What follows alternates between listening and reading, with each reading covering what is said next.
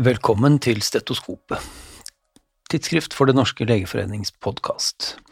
Hver annen uke med Caroline Ulvin Johansson og helseaktuelle gjester i studio, og hver annen uke Redaktørens hjørne, der jeg, Are Brean, sjefredaktør i tidsskriftet, gir deg en høyst subjektiv, av og til litt uhøytidelig gjennomgang av de nyeste forskningsartiklene, sakene og debattene i de største internasjonale generellmedisinske tidsskriftene. Vi er nå to måneder inn i Russlands avskyelige invasjon av sitt naboland. Både Verdens helseorganisasjon og flere medisinske tidsskrifter, inkludert British Medical Journal, eh, og også tidsskrifter for den del, har omtalt de over 100 dokumenterte angrepene mot helseinstitusjoner som hadde skjedd per 7. april, som var en slags morbid eh, jubileum. Og Uhyrlighetene fortsetter også etter det. Verdens helseorganisasjon har per 26. april 2022 dokumentert til sammen 164 direkte militære angrep mot helseinstitusjoner i Ukraina. Både sykehus, fødeinstitusjoner og ambulanser har blitt angrepet så langt. Men angrep på helseinstitusjoner er ikke noe nytt i krig.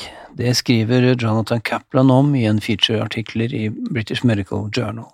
I en krig får helsetjenester strategisk betydning, skriver han. Det har flere grunner. Å bombe helsefasiliteter kan forhindre at soldater får behandling som kan gjøre dem stridsdyktige igjen. Bombede sykehus ødelegger dessuten i seg selv fiendens moral. Og angriperen kan beslaglegge helseinstitusjoner til eget bruk, eller plassere våpen der, slik at nærheten til pasientene kan avskrekke den andre siden fra å angripe. Dessuten, skriver han, har den russiske hæren historisk sett tatt lite hensyn til også sine egne troppers helse, sist i Afghanistan og i Tsjetsjenia. Helsestellet for soldatene har ofte vært elendig, og soldater som blir behandlet hardt av sine overordnede, blir brutalisert, og brutaliserte soldater begår grusomheter. Slik har det alltid vært. Angrep på sivile og på helseinstitusjoner er derfor en kjent krigstaktikk, langt fra bare fra Russlands side. Det er blant annet kjent fra krigssoner i Afghanistan, Syria og Jemen. Det nye nå, for vår generasjon, er at dette kommer så geografisk nær. Kaplan siterer Leonard Rubinstein, som er leder av Koalisjonen for helse i konflikt, på at det mellom 2016 og 2020 var mer enn 4000 rapporterte tilfeller av angrep mot helseinstitusjoner. Det tilsvarer angrep på en helseinstitusjon i krig hver annen dag rundt om i verden i hele perioden. Og i gjennomsnitt har en helsearbeider blitt drept i krig hver tredje dag i samme periode. Ja visst er Russlands fremferd grusom i Ukraina, men den føyer seg inn i et historisk mønster som Genévekonvensjonen ikke har greid å bryte. Vi skal gjøre et tematisk særdeles langt hopp til covid-19 igjen, et tema som internasjonale medisinske tidsskrifter fortsatt er fulle av. Og det kommer stadig nye data på vaksinebivirkninger og ulike komplikasjoner fra koronasykdom. Først skal vi til Yama Internal Medicine, der en nylig studie har benyttet det danske vaksine- og koronaregisteret for å undersøke om akutt appendisitt, som har blitt rapportert som en mulig bivirkning av koronavaksine, virkelig er det. Bakgrunnen er først og fremst preregistreringsstudier som viste høyere forekomst av akutt appendisitt i vaksinegruppen enn i placebogruppen. Men det er fortsatt usikkert om hvorvidt dette var et tilfeldig funn. Datagrunnlaget i denne studien var alle dansker over tolv år som enten var vaksinert med Pfizer-Biontechs vaksine eller med Moderna-vaksinen, eller som hadde testet positivt for SARS-CoV-2 med PCR-test i perioden desember 2020 til november 2021. Kontrollgruppen var alle uvaksinerte over tolv år. Til sammen dekket materialet 89% av alle danske innbyggere over tolv år. Og konklusjonen? Det var ingen økt risiko for akutt appendisitt verken etter første eller etter andre dose med vaksine, og uavhengig av vaksinetype selv om observasjonstiden her var litt kort, bare 21 dager etter vaksinen, og studien verken er randomisert eller prospektiv, er dette ganske så solide data som forteller at akkurat appendisitt er det høyst sannsynlig ingen grunn til å frykte som vaksinebivirkning. Men hva da med myokarditt? Her er indikasjonene på en sammenheng med mRNA-vaksiner mot SARS-CoV-2 en god del sterkere allerede. Både rekke kasuistikker fra, verden rundt samt overvåkingsdata fra flere land tyder på dette. Nå har en ny studie Yama Cardiology søkt etter enda mer robuste data. Studien har en norsk førsteforfatter, Øystein Karlstad fra Folkehelseinstituttet. Fire kohortstudier i henholdsvis Danmark, Norge, Sverige og Finland ble gjennomført samtidig og etter samme protokoll, og kombinert i en metaanalyse til slutt. Det gjorde det mulig å inkludere hele 23,1 millioner mennesker fra disse nordiske landene. Deltakerne ble fulgt opp inntil de fikk myokarditt, perikarditt eller det hadde gått maksimalt 28 dager. 81% av dem ble vaksinert, og til sammen noe over 2000 tilfeller av myokarditt eller perikarditt oppsto i studieperioden. Det var en økt risiko for både myokarditt og perikarditt hos de vaksinerte, som det har vært i tidligere studier. Størst var risikoen eh, hos unge menn mellom 16 og 20 år, også det i tråd med hva som har blitt rapportert før. For denne gruppen tilsvarte risikoøkningen mellom fire og syv ekstra tilfeller per 100 000 vaksinerte med Pfizer-Biontech-vaksinen, og mellom 9 og 28 ekstra tilfeller per 100 000 vaksinerte med Moderna-vaksinen. Og risikoen var høyest etter andre dose med Moderna. Så langt altså en solid dokumentert bekreftelse på en kjent sammenheng og unge menn frarådes fortsatt vaksinering med Moderna-vaksinen nettopp av denne grunnen. Men hva med den naturlige immuniteten, altså immunitet etter gjennomgått covid-19-sykdom, hvor varig og hvor effektiv er den? Det har det også nå kommet nye data på. En kohortstudie nylig publisert i Yama Network Open denne uken inkluderte uvaksinerte med symptomer på covid-19 fra 1300 teststasjoner i USA i en inklusjonsperiode på noe over ett år. Totalt omtrent 120 000 personer ble inkludert, og de som testet negativt for viruset, fungerte som kontroller. Med start 90 dager etter den første testen ble pasientene fulgt opp til de enten fikk ny koronasykdom, ble vaksinert, døde eller til studieslutt.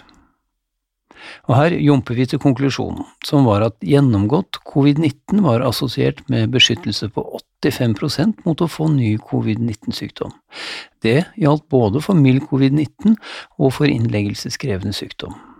Og beskyttelsen forble stabil over hele studieperioden, uten tegn til svekkelse i opptil ni måneder fra den første infeksjonen.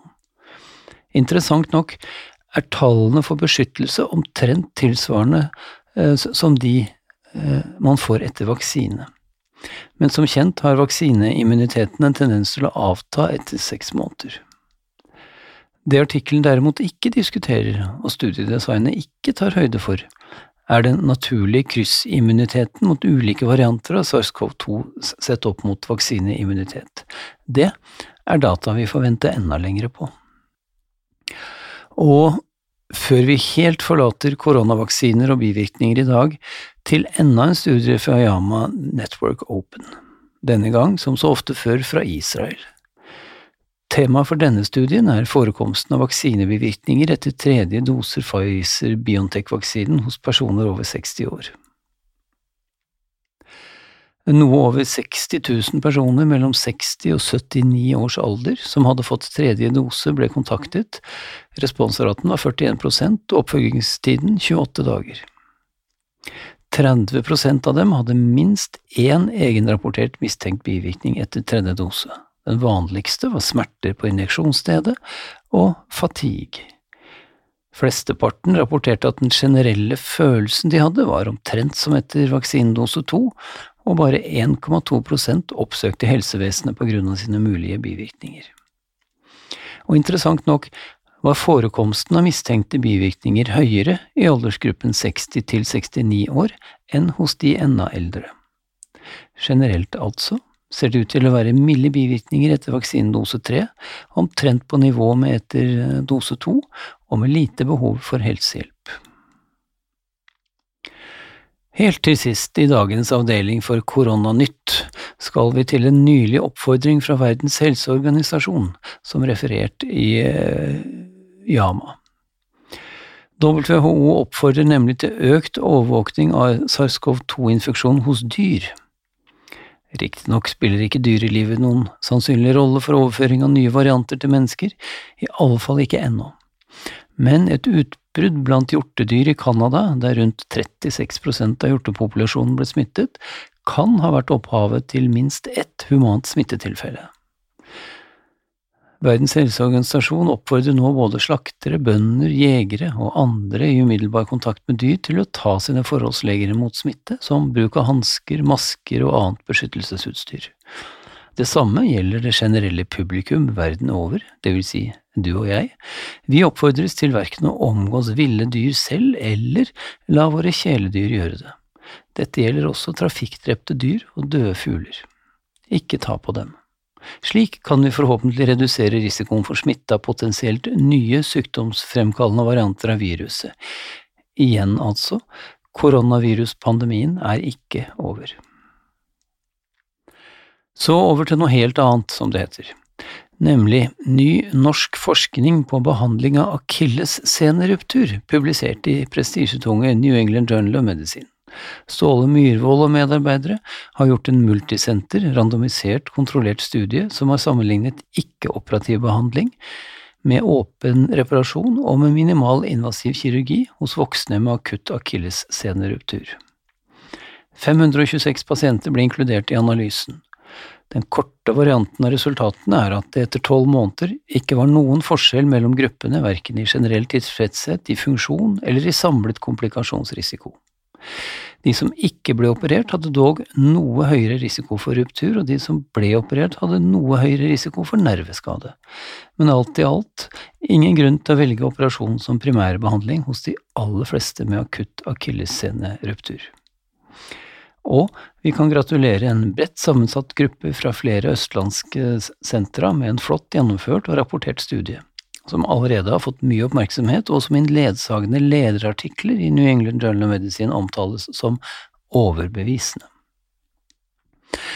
Men vi gir oss ikke med elegant ny norsk forskning i dag for forskere fra Oslo og Bergen, med Liv Mundal som førsteforfatter, har nylig i Yama Network Open publisert en større kohortstudie av sammenhengen mellom familiær hyperkolesterolemi, statinbruk og demensrisiko. Bakgrunnen er den kjente sammenhengen mellom LDL-nivå og demensrisiko generelt, og spørsmålet er om genetisk betinget høyt LDL er assosiert med en økt demensrisiko. Over 3000 personer med familiær hyperkolesterolemi ble inkludert, sammen med nærmere 70 000 kontroller. Deltakerne ble fulgt i ti år. Det ble ikke funnet noen øket risiko for demens hos pasienter med familiær hyperkolesterolemi sammenlignet med alders- og kjønnsmatchede kontroller, og heller ingen sammenheng mellom bruk av statiner og demensrisiko. I denne kohorten var det heller ingen sammenheng mellom kumulativt statinbruk og demens. Med andre ord var det ingen økt demensrisiko selv hos de som hadde brukt statiner lengst og aller mest. Dette siste er viktig fordi det tilsier at langtidsbruk av statiner ikke er assosiert med demensrisiko. Vi holder oss til demens ennå en liten stund. En sunn livsstil er vel dokumentert å minske risikoen for Alzheimers demens, men samtidig vil en sunn livsstil også øke levealderen og siden alder er den største enkeltstående risikofaktoren for demens, kan man tenke seg at disse to effektene utligner hverandre, altså at en sunn livsstil gjør at du får demens likevel, simpelthen fordi du lever lenger. Dermed risikerer du med en sunn livsstil kanskje bare å få flere år med demens enn du hadde gjort uten en sunn livsstil, litt forenklet sagt. En prospektiv kohortstudie nylig publisert i British Medical Journal har tatt mål av seg til å finne ut mer om dette tilsynelatende paradokset. Nesten 2500 amerikanere over 65 års alder ble inkludert, og fulgte opp i til sammen over 13 000 personår, mens de ble monitorert for diettvaner, kognitiv aktivitet, grad av fysisk aktivitet, røykevaner og alkoholforbruk. Sunn livsstil var definert som en diett nær den ideelle middelhavsdietten, høy grad av kognitiv og fysisk aktivitet i eldre år, ingen røyking og lavt eller moderat alkoholforbruk. Endepunktene var forventet levealder med og uten Alzheimer-demens. Og hva fant man? Jo, en sunn livsstil var assosiert med lengre forventet levealder blant menn og kvinner, og de levde en større andel av de resterende årene sine uten Alzheimers eh, demens. I tallmessige termer betød denne sammenhengen at andelen av resten av livet tilbrakt med Alzheimer-demens var halvert i gruppen som hadde en sunn livsstil sammenlignet med de som ikke hadde det. Med andre ord, spis dine grønnsaker, drikk din olivenolje, vær et aktivt og nysgjerrig menneske, og du vil leve lenge i landet uten Alzheimer-demens. Så skal vi til den andre enden av livsløpet. Barselomsorgen er under debatt også i Norge for tiden. Og de som mener at god omsorg for den svangre mor er god omsorg også for barnet, har nå fått ytterligere argumenter, med en ny studie publisert i Yama Network Open den også. Studien presenterer baseline-dataene fra en større pågående prospektiv kohortstudie av 400 mor-barn-diader med sosioøkonomisk variert bakgrunn fra St. Louis i USA. Sosioøkonomisk status under graviditeten ble kartlagt med en rekke instrumenter, og volumetrisk MR av spedbarnas hjerner ble innhentet under naturlig søvn i spedbarnets første leveuke. Studien viser at dårlig prenatal sosioøkonomisk status var assosiert med reduksjoner i totalt hjernevolum og redusert grad av kortikal folding hos det nyfødte spedbarnet. Ingen regional spesifisitet ble påvist.